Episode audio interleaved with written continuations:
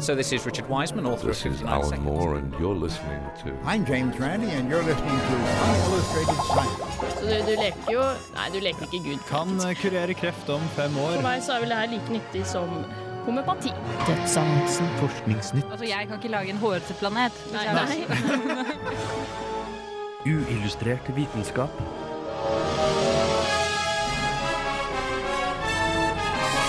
Science, it works, bitches. I denne ukas sending av Uillustrert vitenskap får du vite hva stamceller er, hvordan du kan låne en annen persons hjerne til å spille videospill, og vi skal selvfølgelig jatte litt om liv på Mars.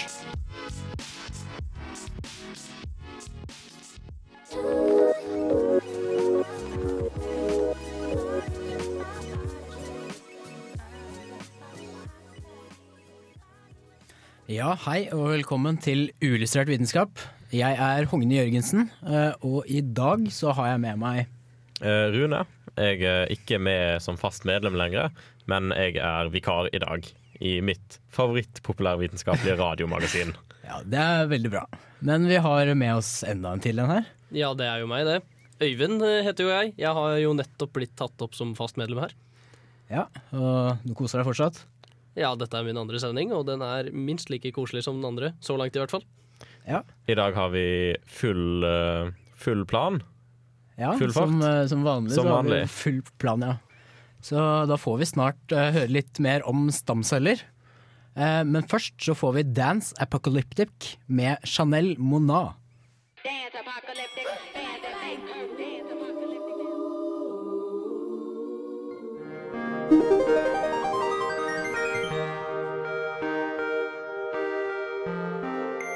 At mennesket består av mange forskjellige celler, i alskens former og fasonger, er ingen hemmelighet.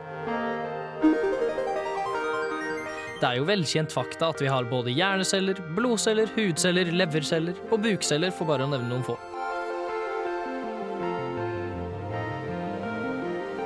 Men hvordan klarer kroppen egentlig å holde styr på og lage alle disse forskjellige cellene? Den veien er litt lengre enn man kanskje skulle tro.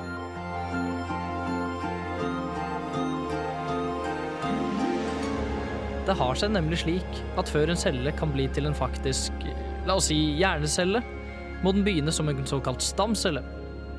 Det finnes mange forskjellige typer av disse, delt opp etter i hvilken grad de har spesialisert seg.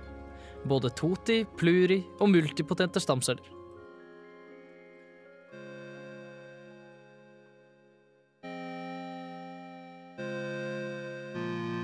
Men la oss nå gå helt tilbake til start. En eggcelle blir befruktet av en sædcelle. Vi får da en totipotent stamcelle.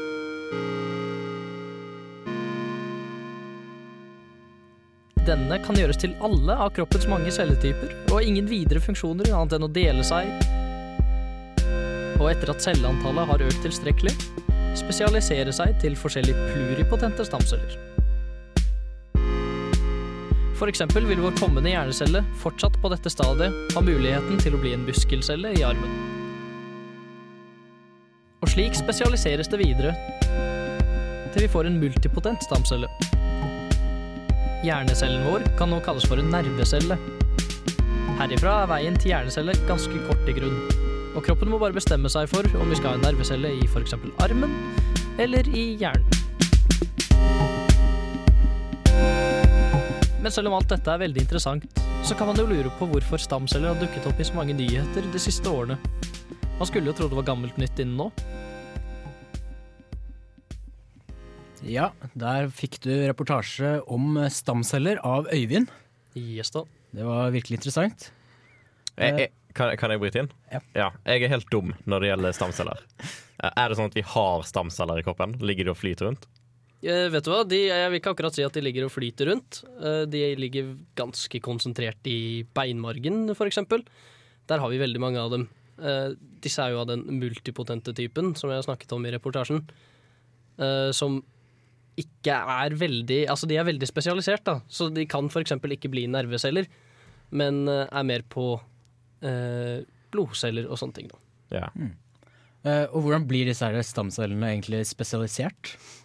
Ja, fordi er, dere er jo kanskje, kanskje kjent ved det at uh, alle cellene i kroppen inneholder alt DNA-et vårt. Ja, det, det har jeg hørt. Ja, det er sånn common knowledge. knowledge. Men uh, det som er greia, er det at det er ikke alle de genene i det DNA-et som er aktive. For du har noe som kalles for eh, metyleringer. Altså det er et lite stoff som bare settes på forskjellige gener og sier at dette genet skal ikke være på. Så, så fint. Ja, ja ikke sant? Det, og det er veldig, veldig greit og rett fram. Altså, dette genet skal ikke være på, og dette skal ikke være på, så da har vi de genene som er i en nervecelle igjen, og da blir det en Da er, Da er det en nervecelle. Ja. Så er det bare flere og flere gener som eh, deaktiveres, da. Men når vi har en Si en muskelcelle, kan Mm. du dytte på den med en pinsett og få den til å bli en stamcelle igjen? Eh, kanskje ikke akkurat pinsett, men eh, du kan eh, på en måte dytte på den, ja. Hvis du bare tipser og trikser litt, grann, fjerner noe der, legger til noe der, så kan du jo faktisk spole denne cellen tilbake, og så ende opp med ja, f.eks. en nervecelle. da. Ok, Er det vanskelig? Det er ikke så lett, nei. Uh, jeg har aldri gjort det selv, men uh, det har visst blitt uh, Det forskes jo stadig på, så det blir jo lettere og lettere med årene etter hvert som man forstår mer og mer. Det ble vel først gjort for ja Var det noe sånn syv år siden eller sånt, av en eller annen svensk lege et eller annet sted. Og han tok jo en eh, celle fra magen på en av pasientene sine, og så spolte han den tilbake til en nervecelle. Så dette her da, hvis vi får dette her mer utviklet i framtiden, så kan vi reversere cellene våre og få de til å bli stamceller på nytt igjen, kanskje? Ja, det er fullt mulig, det. Hvis du f.eks. føler at du har litt for mye muskelceller, så kan du bare gjøre noe om til stamceller. Det, det er ikke noe sånn vanlig problem. Det, du har litt, litt for mye muskler og litt for lite hjerne, så du bare flytter litt opp i hjernen. Men du kan jo kanskje fornye deg selv på en måte, da. Og kanskje leve lenger, jeg vet ikke. Hvis du Det er jo mye forskning som tyder på det. Ingenting er jo sikkert helt enda. De har jo gjort veldig mye i det siste. Altså Man hører jo stamceller overalt på nyhetene. Men, men jeg bryter inn igjen, jeg. I, I Norge er det lov å forske på stamceller.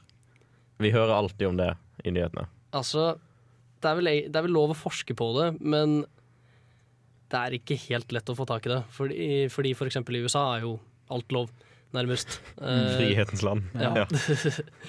så, så der kan du jo samle, samle stamceller fra fostre. Det er jo en kjent kilde til det. Der er det veldig mye av de Uh, de totipotente, som det heter, de minst spesialiserte, som kan bli til absolutt alle celler. Ja. Men i Norge så har du ikke lov til å gjøre det.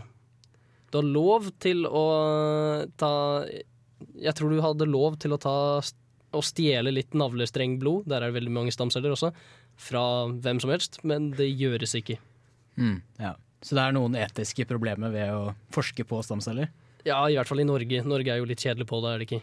Jo, de Ja. har en del etni etiske retningslinjer som eh, ikke andre land er så opptatt av. Ja, så, så løsningen her, som det meste veldig mange andre ting hvert fall, er å flytte til Sverige. Og så kan For du der- forske på det du vil. Der er alt lov. Ja, der er alt lov. Ja. ja. Men da får vi sette på litt mer musikk. Eh, nå får du 'Shape' av Glasser.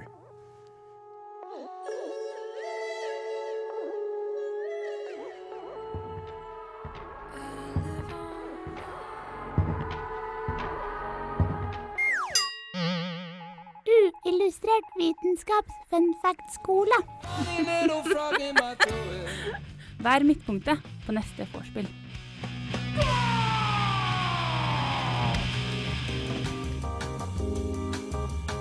Visste du at høye mennesker lever lengre bak i fortida enn andre?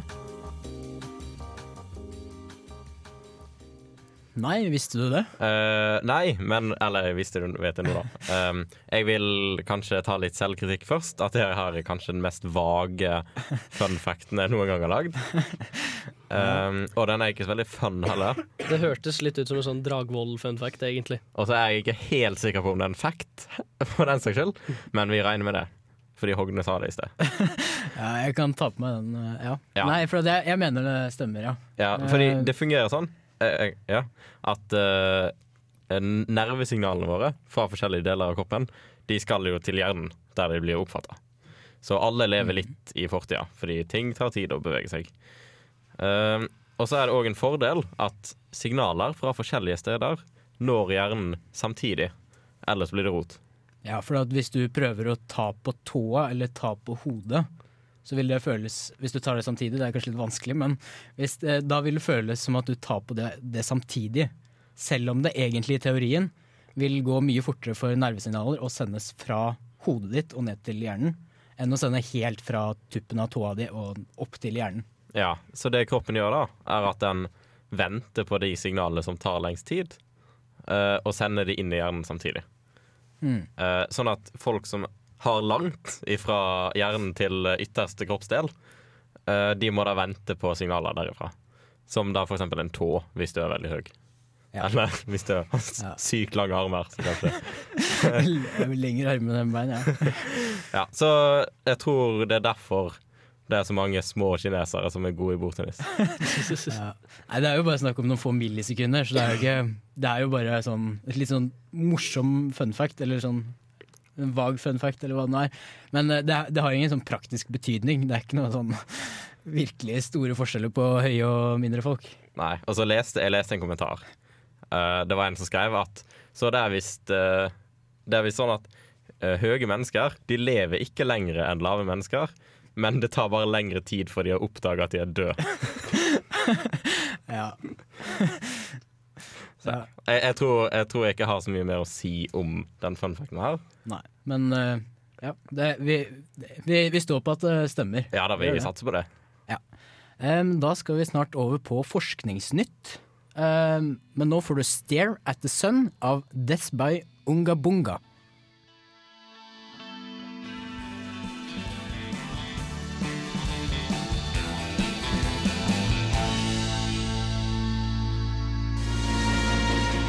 Uillustrert vitenskap presenterer Forskningsnytt.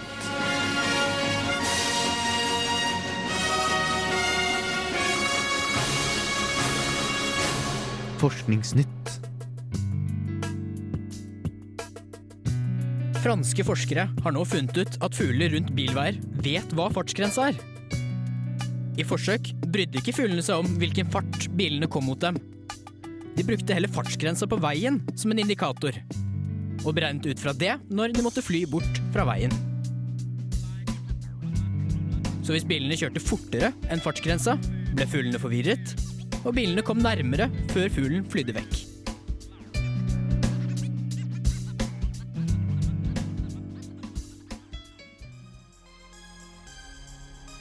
Forskere fra Integrated Ocean Drilling Program har nå annonsert at de har funnet liv i bakken 2,5 km under havoverflaten, som kan være opptil 100 millioner år gamle.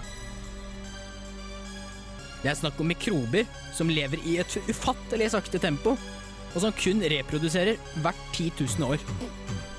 Fordi alt går så sakte, debatterer forskere om mikrobene faktisk er i live, eller om de bare lever i en slags zombietilstand.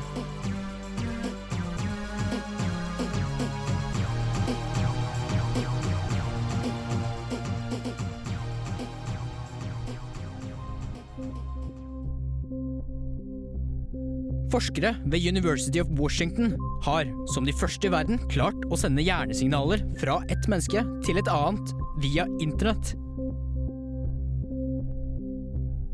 De har tidligere klart å sende hjernesignaler fra mus til mus og fra mus til menneske, men aldri tidligere mellom to mennesker. Med magnetisk stimulering sendte Rajesh Rao hjernesignaler til Andreas Stokko.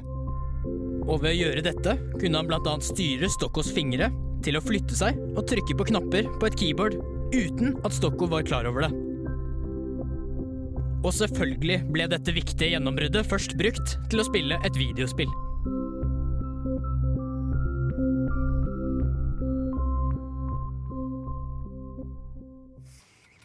Ja, der fikk du forskningsnytt av eh, meg. Eh, Og den første saken jeg pratet om, det var disse fuglene. Som eh, er ganske smarte. eh, Og tydeligvis bedre enn mennesker til å vite hva fartsgrensa er. Ja, I hvert fall til å bry seg. Ja, i hvert fall bry seg. Ja. Men altså, de høres enda litt bedre ut enn meg, til og med. Det her med fartsgrensa. Hvordan, Ja. hvordan, hvordan har det egentlig blitt sånn? Nei, det er jo litt sånn uh, Av en eller annen grunn så er det tydeligvis lettere for disse fuglene uh, å beregne farten ved å ta den farten bilene vanligvis kommer mot dem, enn da å se på disse bilene og beregne farten der og da. Eh, så gjennom, det har da vært gjennom evolusjon, så har da disse fuglene da blitt De fuglene som sikkert beregnet farten, prøvde å beregne farten ut fra hvor fort bilene kom mot de, har tydeligvis eh, dødd ut. Mens de som, eh, de som, hadde, som hadde litt peiling på fartsgrenser og litt sånn, de, de overlevde mer, da. Så det har blitt sånn at fugler tar heller og beregner det ut fra fartsgrensa. Så vi kan snart bruke som bevis i sånne rettssaker mot folk som råkjører, at du traff en fugl i går. Ja. Du må ha kjørt over fartsgrensa. Ja, og det, det er mange fugler som faktisk dør av dette her også. Men eh, det er tydeligvis så ville kanskje flere fugler dødd hvis, hvis de ikke hadde gjort dette, tydeligvis. Men eh, det er mange fugler som blir påkjørt, og det, det er jo egentlig enda en grunn til å holde fartsgrensa. For hvis eh, du kjører over fartsgrensa, så vil ikke fuglene klare å beregne hvor fort du kommer. Og det er mer sannsynlig at du blir, kjører på en fugl. Hmm. Jeg har også hørt at det er veldig mye problemer med fugler i flymotoren. Så der har de kanskje ikke lært seg farts, fartsgrensa, men de kan visst fartsgrensa nede på bakken. Ja. Det høres jo ikke ut som fugler. Når et fly kommer i 5000 km i timen, så vet jeg ikke helt om det hjelper uansett hvor fort du klarer å se det. At, De, de, bør, de, de bør begynne å lære seg rutetiden òg. ja. det, det er et lite stykke til de har lært seg det òg, ja. Men eh, ja, eh, Og så litt kanskje noe om hvordan du de gjorde dette her. Eh, for det, det er egentlig litt sånn De kjørte svin på motorveien. Nei, OK, fortsett. Det, det er litt sånn lite forsøk dette her, da, men det er ganske klare, klare bevis på dette fortsatt. Eh, For det var bare 134 målinger. Eh, og da var det en sånn fransk forsker som hver gang han kjørte hjem fra laben, så, så tok han og hadde en sånn der tidtaker. Og så hver gang det kom en fugl i veien, så sjekka han litt sånn hvor fort det tok før de fuglene fløy bort. Eh, og så fikk han testa ut eh, 24, ja, 21 forskjellige arter, eh, og har egentlig en ganske bra rapport på dette her fortsatt. Da. Men eh, så enkelt er det å gjøre forskning, egentlig. Det, du er ganske flink å se forskjell på fugler. Hvis du klarer å se hvilken art det er, bare å nesten kjøre på dem. Ja, nei, jeg vet ikke hva slags forsker han var generelt, men uh, han forsket i hvert fall på dette også. Det virker som han var veldig glad i å forske, i hvert fall.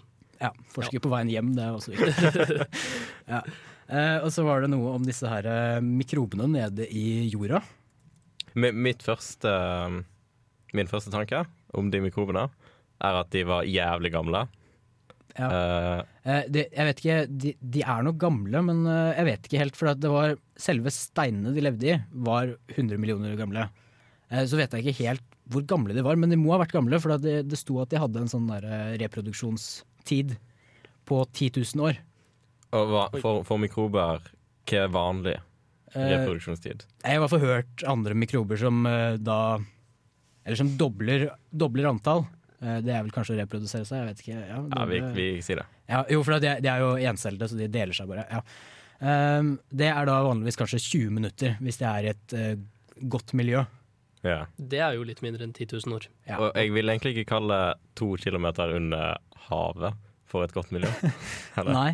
Men eh, jeg syns også det høres veldig lite ut, da. 2,5 km. Det er på en måte det, det er jo ikke veldig langt nede, men eh, det er tydeligvis et helt ubeboelig, nesten ubeboelig sted. Men eh, det er fortsatt noen virus og bakterier som klarer å leve der, da. Uh, ja. Og det er også en veldig lav konsentrasjon med bakterier her, for, fordi at vanligvis så er det per teskje så pleier det å være millioner, nei billioner eller billiarder med bakterier og virus eh, overalt. Mens her nede i jorda så er det ca. 1000 av de.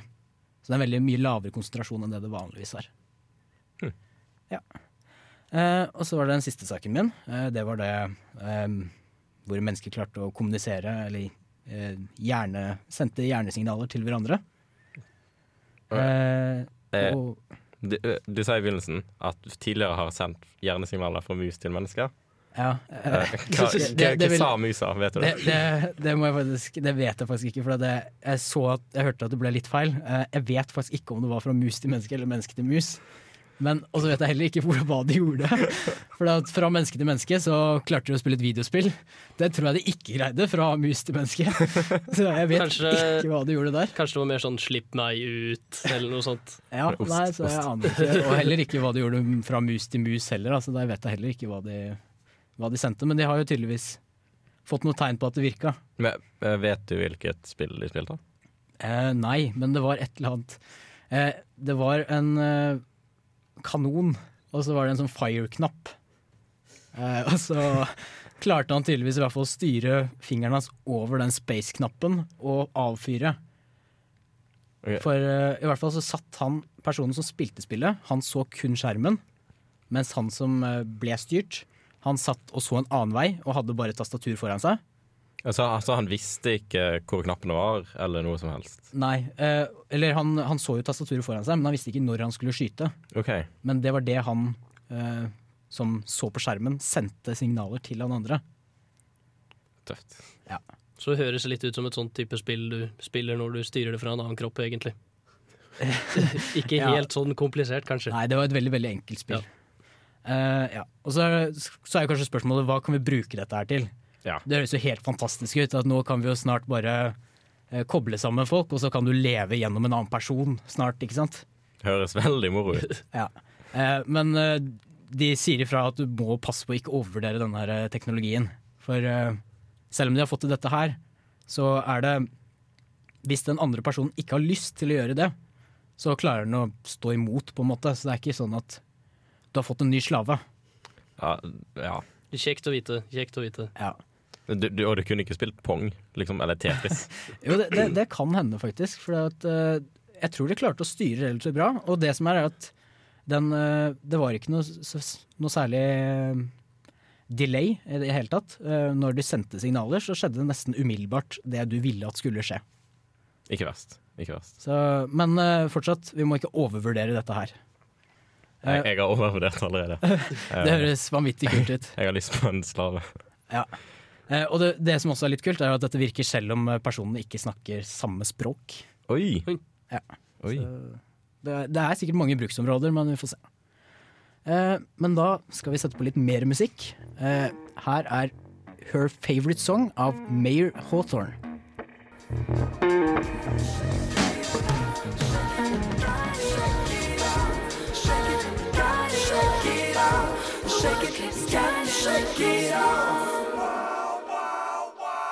Science isn't about why, it's about why not. Why is so much of our science dangerous? Why not marry safe science if you love it so much?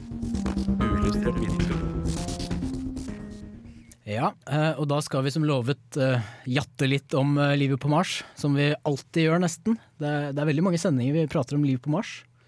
Så, ja, så da skal vi jatte i tillegg. ja, så hva er det denne gangen? Denne gangen så jeg tenkte faktisk å bare beint fram lese overskriften på en veldig fin artikkel jeg fant. Mhm. Eh, Det er på engelsk, da. Men det går sånn her. Life did begin on Mars. Then we all travel to Earth on a meteorite. Ja, og det her er jo banebrytende forskning. Uh, Ja. ja. Eh, har vi noe, noe nytt som viser til at det her har skjedd? Ja, de har jo noe Altså, jeg vil ikke akkurat si viser, men det, ja, sånn kanskje Ja, det er bra nok. Ja. ja. Så det, det som har skjedd, da er det at eh, det var en, eh, en smart liten forsker som kom fram til at eh, et grunnstoff som heter molybden, det er, veld- det er visst livsviktig for alle levende organismer for at de skal oppstå. Eh, han kom fram til at det kan ikke ha fantes på jorda da livet liksom skal ha oppstått, men det kan ha fantes på Mars. Oi. Eh, Og det var, og det var beviset. Ja, det, det her er jo ganske klart og tydelig, vil jeg si. Veldig klart bevis, ja. Ja. Nå, nå er det ikke noe diskusjon Det er to streker under det. Um, OK, så livet starter på Mars, fordi der finnes det molybden. Ja. Ja. Så da finnes alle de andre stoffene vi trenger også der, da, eller? Det er bare molybden. Ja, nei. Ja, altså, det var visst litt oksygen der også. Det er jo kjent for å være litt viktig, er det ikke?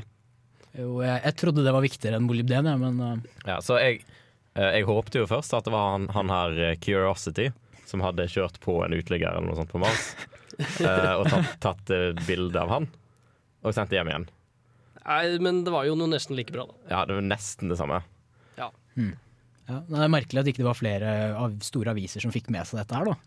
Nei, altså, jeg fant uh, to artikler på litt sånn tvilsomme nettsider, så skal Ja. ikke fnyse på det her, altså.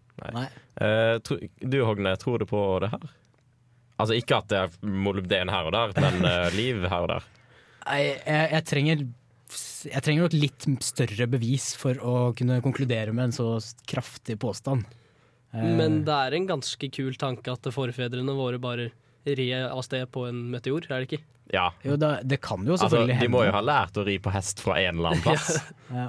Hvorfor ikke begynne på en meteor?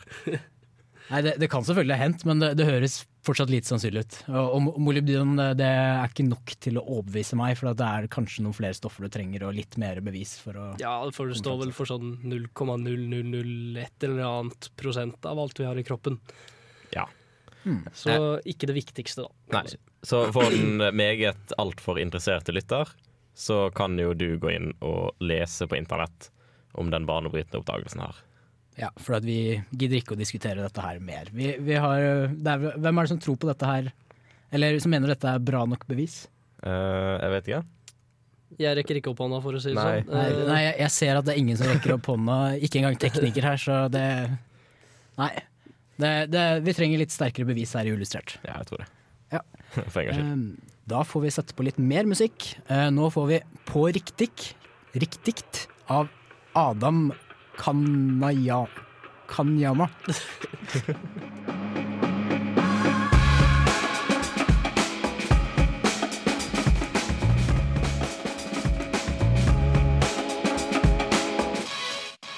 Hey, this is Phil Plate from Bad Astronomy, and you are listening to Unillustrated Science on Radio Revolt because science is awesome.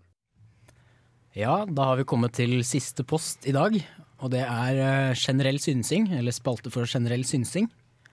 Eh, Og Rune, du skal begynne å synse litt i dag. Ja, jeg skal snakke litt om hva jeg har gjort i dag. For jeg har vært litt sånn hobbykjemiker. Jeg har lekt med tungmetaller, noe du vanligvis ikke vil. Eh, Men i dag så var det så kjekt da at jeg bare måtte. Fordi jeg og noen kompiser vi kjøpte to kilo vismut fra en litt shady butikk på internett. Mm. Um, og da vismut er tungmetall, men det er ikke like giftig som de fleste andre tungmetaller. Eh, så ta det med ro. Um, og vi, vi lagde da eh, Vi støpte krystaller ut av det her. Fordi det, når det størkner, så lager det veldig fine sånn firkanter og stilige, fargerike krystaller. Som er kjempetøffe. Så alle sammen, google bildesøk. Bismut heter det på engelsk. Ja, vi kan sikkert legge ut det på Facebook-gruppa vår også, vi, så kan folk komme, gå inn der og se bildet. Ja. uh, og jeg, jeg leste om det på Wikipedia. Der sto det at det er egentlig radioaktivt. Der ble jeg litt sånn svett. uh, men eh, det har en halveringstid på en milliard ganger lengden til universet. Lengden til ja, Eller ikke ja, lengden, men ja, sånn, alderen. Ja. Ja. Så det er ganske lenge. Så jeg tenker jeg blir ikke Jeg dør ikke av det. Nei, det høres ikke så farlig ut, nei. Ja, og krystallene ble, de ble veldig bra. Jeg brukte seks timer på det, uh, så det skulle bare mangle. Ja. Uh, så det er det jeg har gjort i dag, da. Ja, det, det er en kulere dag det enn de, en vanlig hverdag for meg, i hvert fall. Så. Ja, det får vi tro. Ellers har det et veldig spennende liv. ja.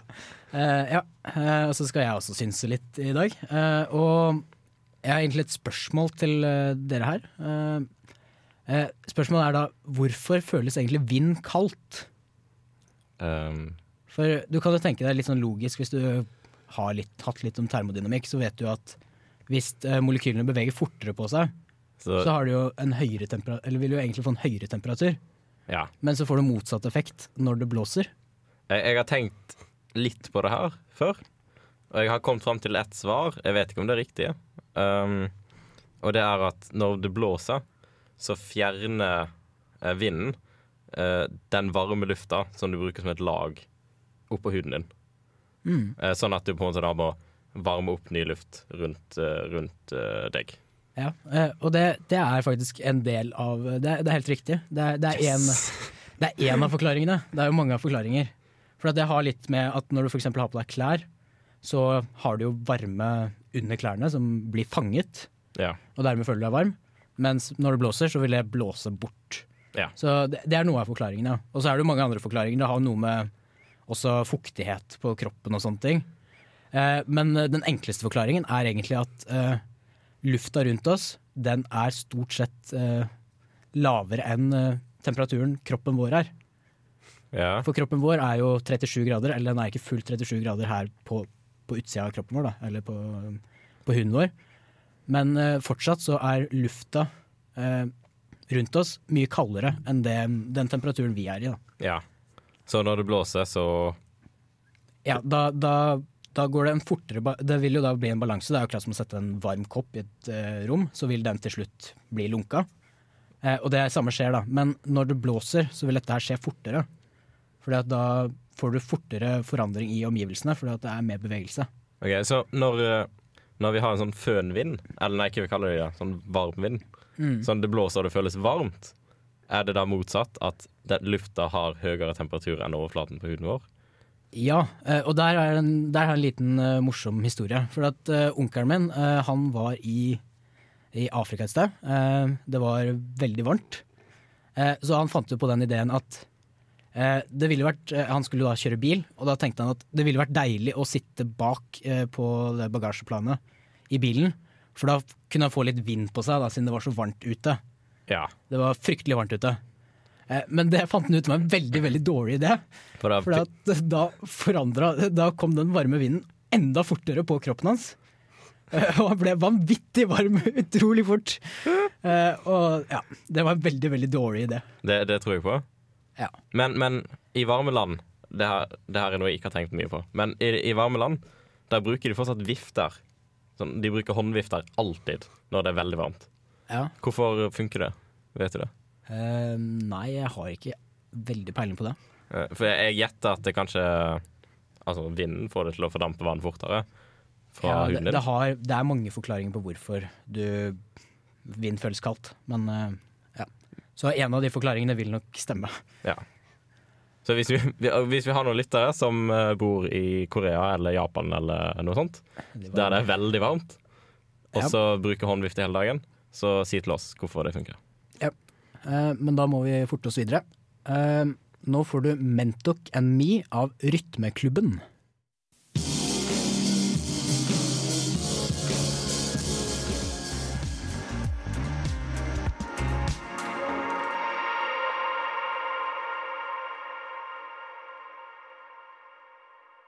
Ja, da begynner vi å gå mot uh, denne sendingens ende. Ja, så vi må si sånne ting som hør på oss på podkast. Ja, hør, hør på oss på podkast og dusken.no slash radio og alle andre steder dere finner oss. Så jeg har vært uh, Hogne, eh, og med meg har jeg hatt uh, Rune. Ja. Og jeg er fortsatt Øyvind. Ja, og tekniker har vært Håge. Så da er det bare å si ha det. Ha det! Ha det.